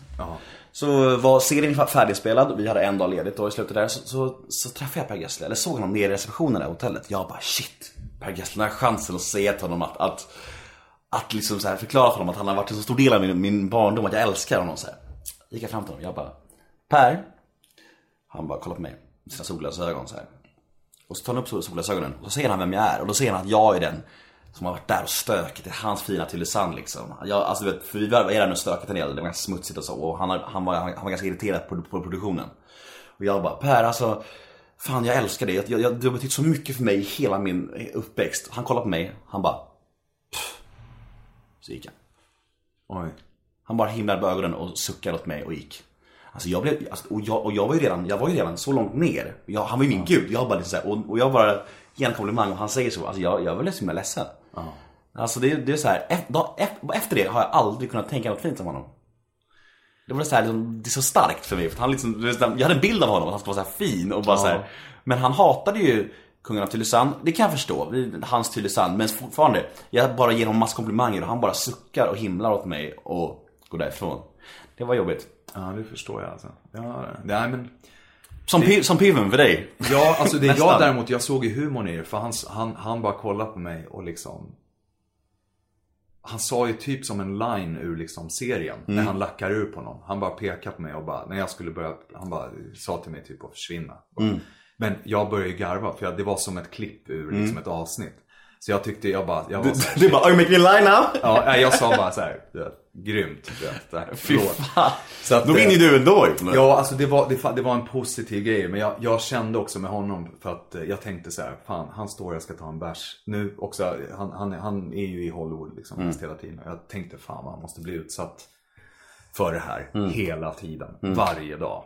Liksom varenda turist liksom. Mm.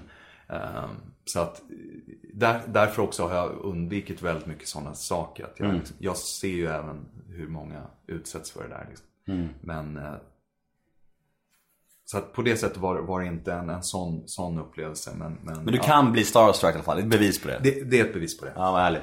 Eh, vad är det största missförståndet gällande skivbranschen, musikbranschen? Finns det något så här folk, folk tror som inte alls stämmer? Om det här med låtskriveri eller, eller skivbolagsvärld eller vad som helst liksom. Oj, det var en bra fråga. Det största som missförståndet. Du, det där var en bra fråga.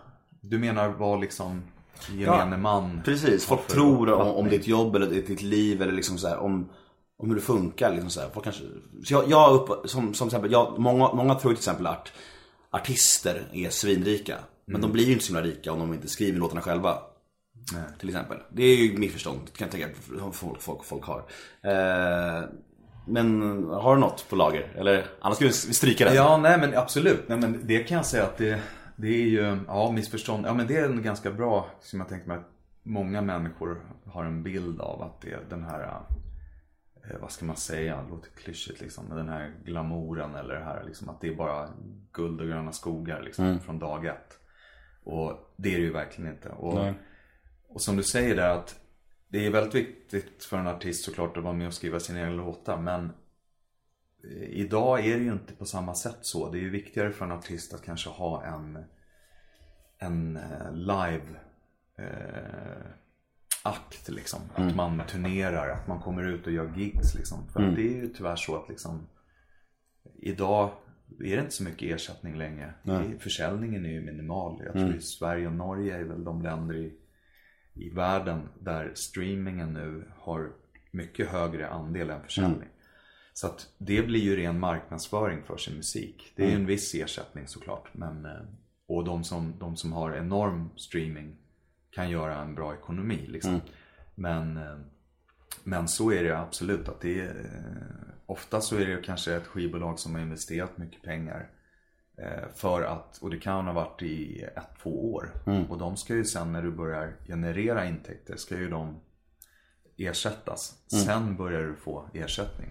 Så jag vet ju flera som är, har varit i de perioderna att liksom, de kan ha haft eh, ettor på listorna. Men, eh, men liksom går och köper makaroner och ketchup och åker hem till föräldrarna och liksom och det, det är en tuff fas för en artist när, när du får sån sjuk uppskattning runt omkring. Eller för en del artister som, som det är viktigt för.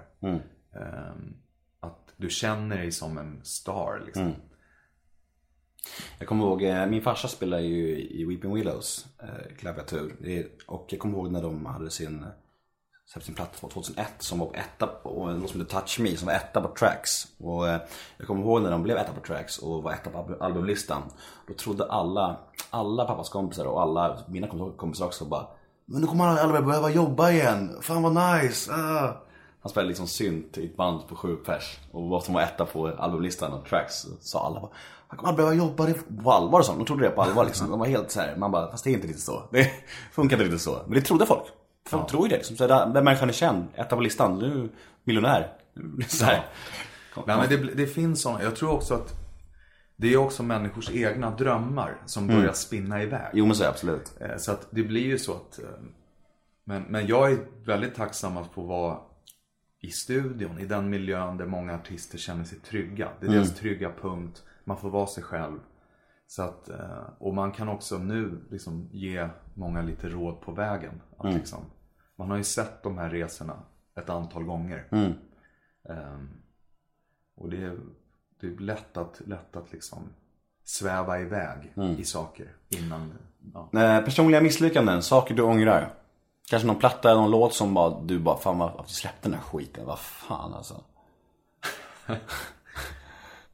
Nej, jag, eh, jag har gjort grejer ibland som alla gör i att man liksom Man gör vissa saker kanske för att man känner här finns det en liksom Det kan jag ångra ibland att jag har gjort ibland vissa projekt för ekonom, med ekonomiska motiv. Som du inte har brunnit för egentligen helt. Ja. Men det som har räddat det är att när jag väl har gått in i det projektet och börjat jobba i studion så då, då, då kommer den här känslan att nej, nu vill jag göra det här bra. Annars går det inte liksom. Nej, jag fattar. Eh, Eller till och med hoppat av sådana saker. För jag känner att jag har liksom inte haft rätt. Eh, Men eh, självklart, jag har gjort en del grejer i början som jag kanske nu i efterhand kände att så här, ah, det här var inte speciellt bra. Men det var ju min, min skola också. Det var där man liksom fick lära sig att göra, göra misstag. Och... Sen kan det vara låtar som vissa plötsligt säger, jag älskade den där låten. Och jag kan vara så jaha okej, ja men då, då känns det redan bättre. Eller som jag som tar upp alla som inte ens du minns. Ja, precis. Nej, men det är så här. och- Nej, men jag, jag, det finns saker som jag är eh, liksom i kölvattnet med att vara, och skriva låtar och producera och som jag runt i, liv, alltså, i, i livet allmänt som jag, som jag kan ångra som man har dragits med i. Eh, där man har tappat fokus liksom. Eh, det kan vara allt från att man har liksom bränt för mycket pengar i perioder. Och också tänkt att liksom, ja men vet du vad, jag, jag har två ettor nu här i år. Jag kommer ha det nästa år. Jag, kommer, jag kan ju bara mata ut låtar. Men så fungerar det ju inte. Liksom. Och där har jag lärt mig otroligt många läxor. Men idag kan jag, kan jag, kan jag jobba vidare och även påminna den nya generationen som är i den samma fas. Att plötsligt, pang, det smäller till. Du vet, eh, fem millar på bankomatkontot liksom. Eh, och då är det för, för många unga, speciellt eh, kreativa människor, liksom dreamers. Du. Det, det är otroligt viktigt att människor runt omkring, liksom, de närmsta och de som supportar där och ser till att liksom eh, att man inte går den, det är så himla lätt att liksom Ja, ja, ver- verkligen förståeligt alltså, på riktigt. Ja. Men jag, man kan ju läsa om det också. Jag, jag tror jag läste härom, häromdagen om det här eh, brittiska pojkbandet Blue. Eh, där alla i personlig konkurs. Alla hela bandet liksom. De hade också flera egna ettor. Men de skrev väl ingenting själva för, det första, gjorde de inte det. Och sen för andra så, ja de levde ju svindyrt liksom. Svinlyxigt liksom. Och sen så bara da- dalade det. Och då sitter de där liksom med extrema utgifter liksom. Och inga riktiga inkomster. Nej, och det är ju det som jag tycker är positivt idag jämfört med bara kanske 10 år sedan, 50 år sedan. Att, att, att management idag och människor runt omkring artister och är mycket mer måna om skydda deras, liksom, skydda dem lite från sig själva. Att inte hamna i de här situationerna. Så att nu ser jag en, en, en skillnad. Eh, att det har liksom också, det ingår numera i ett management och i, eller produktionsbolaget, till och med skivbolaget. Att, att liksom, att artister och eh, även låtskrivare och producenter som har egna management. Så att de hjälper till att planera sin ekonomi. Till och med tar ut månadsersättningar som, som vad ska man säga, som löntagare. För att liksom leva ett normalt liv. Liksom. För att det är det som man eh, Självklart så när folk, när man har framgång och sånt så tror jag också det är viktigt att unna sig ibland. Man har slitit hårt. Och man belönar sig själv på vilket sätt det än må vara. Vissa vill eh, resa eller göra andra saker liksom. Men eh, det tycker jag är positivt nu. Att det finns väldigt mycket mera ett sånt paraply. För, så att inte, för jag har sett mycket av det och jag har även själv eh, eh, fått uppleva den grejen att liksom shit nu har jag bränt för mycket pengar. Sen har jag haft turen att har man en förmåga eller en talang. Det, det, det kan du ju alltid fortsätta med. Blygsamt skryt. Ja, men det är, det är jobbigt om, om, om det är som, som du säger att det rycks ifrån möjligheten att jobba. Precis, jag tror man, ja, precis, om man har något att falla tillbaka på är en sak men alltså det, men det måste vara lätt att bara hamna där. Så jag kan verkligen, jag kan verkligen, jag kände verkligen när jag läste artikeln, jag kände verkligen fan, fan vad lätt det måste vara att hamna just här. De har liksom hits, allt bara rullar på och bara nu kör vi, nu köper man det och det och det. Sen helt bara, bara Fan nu då liksom? Nej usch, jag mådde illa den artikeln, det var jobbigt. Eh, drömmar och framtid, vilka mål finns kvar? Vem skulle du helst vilja skriva en låt till? Det är en liten samlingsfråga där. Ja. Eh, Alltså jag har ju fortfarande ehm, Jag har ju fortfarande min Rihanna, det är många låtskrivarproducenter som har den drömmen innerst inne. Jag skrev till Rihanna. Vissa erkänner det, andra erkänner inte. Är det så? Men för mig är det så här, hon på något sätt, för mig, hennes röst är liksom nu, nu ser jag, ser jag det här rent ur liksom en, vad ska man säga, produktionssynvinkel. Hennes röst är som det ultimata verktyget. Är det så? så? Hon, ja, hon kan förmedla liksom en attityd, en känsla, en, en grej på ett sätt som jag tror, jag inte tycker många andra kan. Nej. Eh, Jag har varit nära ett par gånger. Till och med att hon har liksom lyssnat och övervägt en låt. Men det har liksom alltid fallit, alltså det har liksom fallit av. Och jag Har, känner har, att, har du ledsen då? Ja, och så här uppriktigt också, besviken. Och det, jag brukar inte, det brukar inte beröra mig det minsta. Jag är liksom, jag vill jobba med människor som vill jobba med mig. Eh, så att inte, inte liksom, jag, jag, jag jagar inte folk som Men däremot med henne så har jag en sån här när du nämnde liksom om drömmar och framtid att När det handlar om etablerade artister så skulle jag, jag vill gärna få till någonting innan jag liksom Coolar. coolar helt så, så skulle det vara kul. Eh, Bruno Mars är någon jag skulle vilja skriva med i studion. På tal om bra sångare. Ja, med liksom den energin och hans... Eh, han skrev ju mycket, han var ju liksom writer innan och, och, och reste runt och skrev mycket. Och, ehm, men sen är jag ju nu, närmsta två, tre åren jag, vill jag ju fortsätta liksom eh, bygga nya, hitta nya förmågor, liksom bygga nya sound, nya koncept. Så jag, jag vet inte, jag är superinspirerad inför framtiden nu. Med allt som händer också nu i, i det maktskifte på något sätt, musik, popvärlden och i, i och med det som Spotify har skapat. Och, så är det så att liksom en bra låt är en bra låt. Då, då kommer folk att visa det snabbt. Mm. Coolt. Eh, veckans jobbiga fråga. Eh, är du mångmiljonär? Mångmiljonär, det är säkert på, på, på pappret så. Jag försöker inte se mig så men jag har ju hållit på väldigt länge och haft turen att kunna bygga en, en förlagskatalog med, med, med låtar och rättigheter. Och, ehm, och det är jag ju väldigt tacksam för för det gör ju att man också kan ha man kan ha ett par år av svackor som, som vi pratade om. Liksom. Men det, det, det blir på något sätt en stöd under den tiden. För att sen fortsätta. Så att, eh, Men en sån låt som Play måste jag tjäna typ 10 miljoner på. Nej men liksom, det, är- den var ju världshit liksom. Det är, Ja. alltså, jag är kanske obekant att snacka pengar men jag tycker det är, jag blir nyfiken som fan. Det är ju det. Nej men, nej men självklart så jag menar Absolut, jag känner en trygghet där på den, den punkten. Att Du kommer aldrig behöva jobba igen om du inte vill.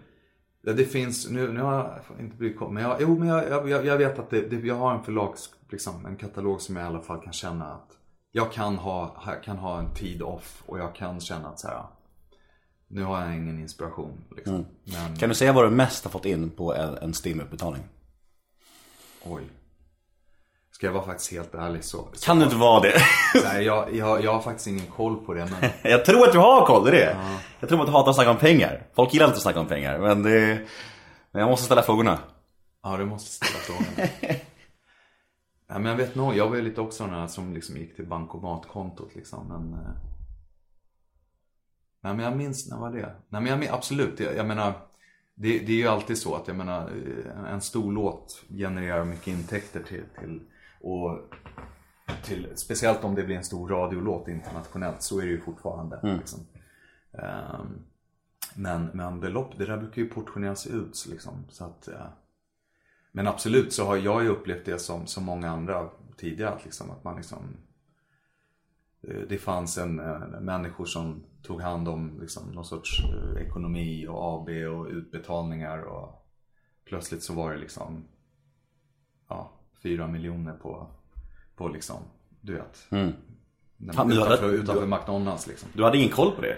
Nej, alltså det var ingen som, vi hade ingen koll på det alls. Utan eh, eh, vi, eh, vi hade avtal som vi, eh, Fan vad fett som vi hade skrivit på. Och sen var det, så vi var i studion och vi är i studion liksom hela dagarna.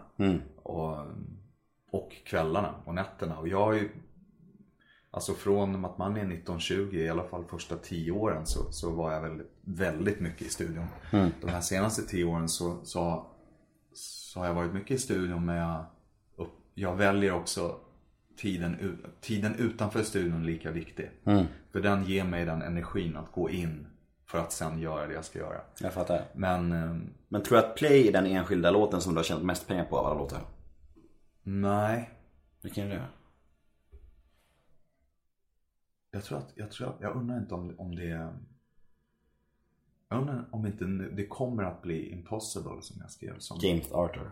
som James Arthur gjorde. Men det var inte, han, han gjorde inte originalet väl? Chantal va? Chantel gjorde originalet men Ina Rolsen och jag skrev den tillsammans. Mm. Och vi var bara två på den låten. Men, och det var typ fem år sedan, fyra år sedan? Ja. Ja. Men han, men James Arthur, Arthur gjorde förra, förra året eller? För, nej, Eh, nej. Covern. Ja, det måste ha varit tre år. Nej. tre år. Gjorde, men, men hans blev större än Chantels? Okej. Mm. Den blev ju väldigt, väldigt stor liksom. Eh, Det som kanske var häftigt med den, att det blev en låt som många sjunger hela tiden i olika sammanhang. Eh, Just i och med att det var en X-Factor vinnarlåt i England. Men Men jag fattar inte, så, så, så vinnarlåten i X-Factor blev en cover? Ja. Okej, vad märkligt på något Och det sätt. var Simon Cowell och eh, Sonny då som jobbar på... Känner du Simon Cowell? Ja. Fett. Ja, han är skön. Är han det? Ja. Har du något skvaller? Har skvaller- har skvaller? Nej, bara det att... Eh, Där kan vi snacka rik människa, by the way.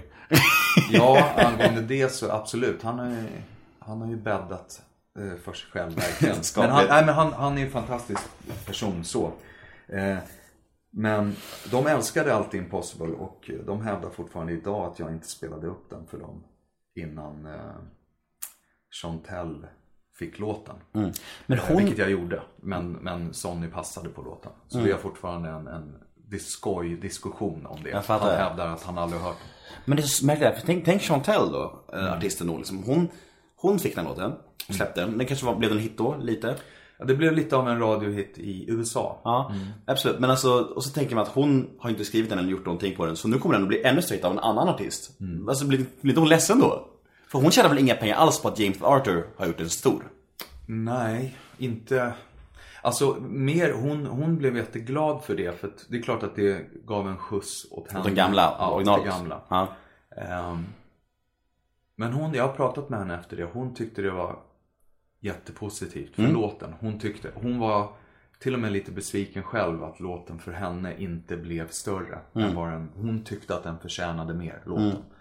Ehm, och det tyckte även Simon Cowell och Sonny. De älskade den låten från första demon. Som, ehm, och de ville ha med den där låten under ett par år. Sen så när James spelade in den så var det liksom bara Så att det föll på plats bara. Så. Ja, och på något märkligt sätt så tyckte jag textmässigt att den passade en manlig sångare. Den var, vi egentligen skrev den ur den, ur, ur den synvinkeln.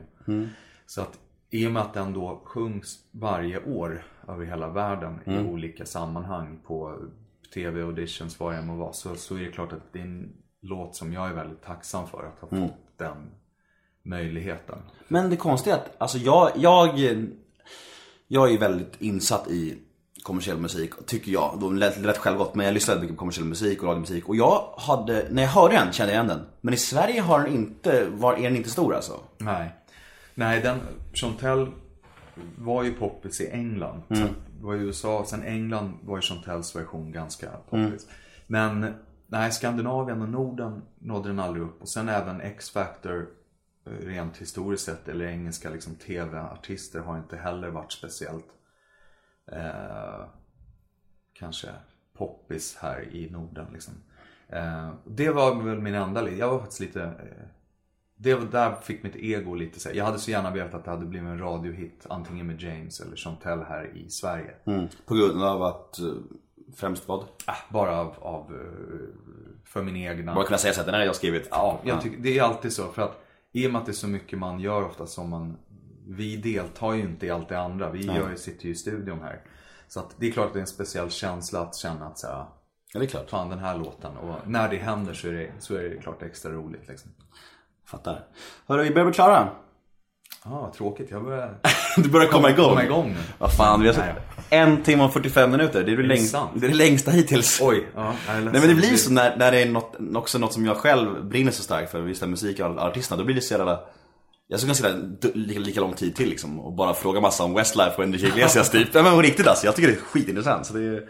Men vi får runda av det. Ehm, tack som fan för att du kom, tog dig tid.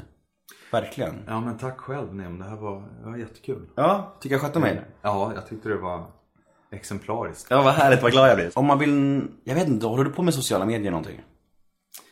Eh, Inte så mycket. Jag är med på det. Jag är inte så aktiv eh, Nej. I, i den.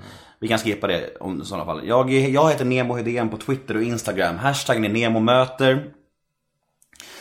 Eh, ja, det är väl det. Tacka Arntor Birgersson för att du kom och tog dig tid. Tack snälla. Hej då! Hej då.